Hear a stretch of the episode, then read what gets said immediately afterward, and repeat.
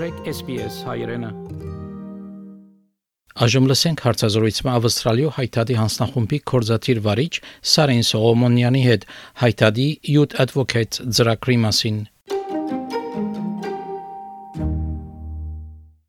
Sarin, could you talk about the Armenian National Committee of Australia's annual Youth Advocates program? So, the Armenian National Committee of Australia's annual Youth Advocates program is gearing up for its fourth edition, which will be hosted in Canberra from the 20th to the 21st of October and is a part of this year's uh, ANC AU Advocacy Week activities. And since the program's establishment in 2018, we've actually had over 50 young Armenians from all over, whether it be Sydney, Melbourne, Canberra, Perth, even Auckland. We've all ventured to the nation's capital to take part in this practical crash course, we can call it, in mastering the art of advocacy and debate. And we're excited to say that the expression of interest have applications have officially opened uh, for this year.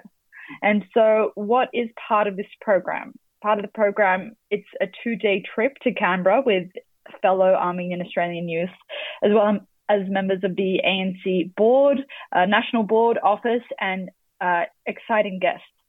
Uh, hands-on advocacy workshops where professionals from the ANC AU will pass on the practical advocacy tips, a mock parliamentary discussion at Parliament House, moderated by federal parliamentarians, networking opportunities, mock advocacy sessions with parliamentarians and senators, um, opportunity to engage in Australia's media outlets and media spheres, and we have a few exciting opportunities this year that we've never introduced before, which we're really looking forward to. It's a really valuable uh, opportunity for young Australians that are not only interested in uh, Australian politics or anything adjacent to Australian politics, but also Armenian the Armenian cause coming along to see how the ANC AU undertakes its advocacy initiatives.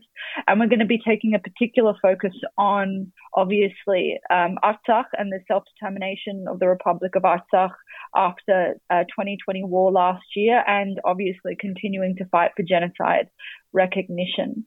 Uh, so it is no better way as a young Armenian Australian to come along to this trip to keep uh, Australia's political system accountable to the needs of the Armenian Australian community and to keep representing our cause as representatives of the Armenian Australian youth to these federal uh, politicians, both MPs and senators. So we really encourage anybody uh, that is over the age of 18 up until the ages of 28, um, whether you're a tertiary student or a non tertiary student, all are welcome, and we highly encourage attendance and participation. It's, it's a great learning experience. Mm. How many candidates uh, you're looking for this year? This year, we take as many people that are interested as possible.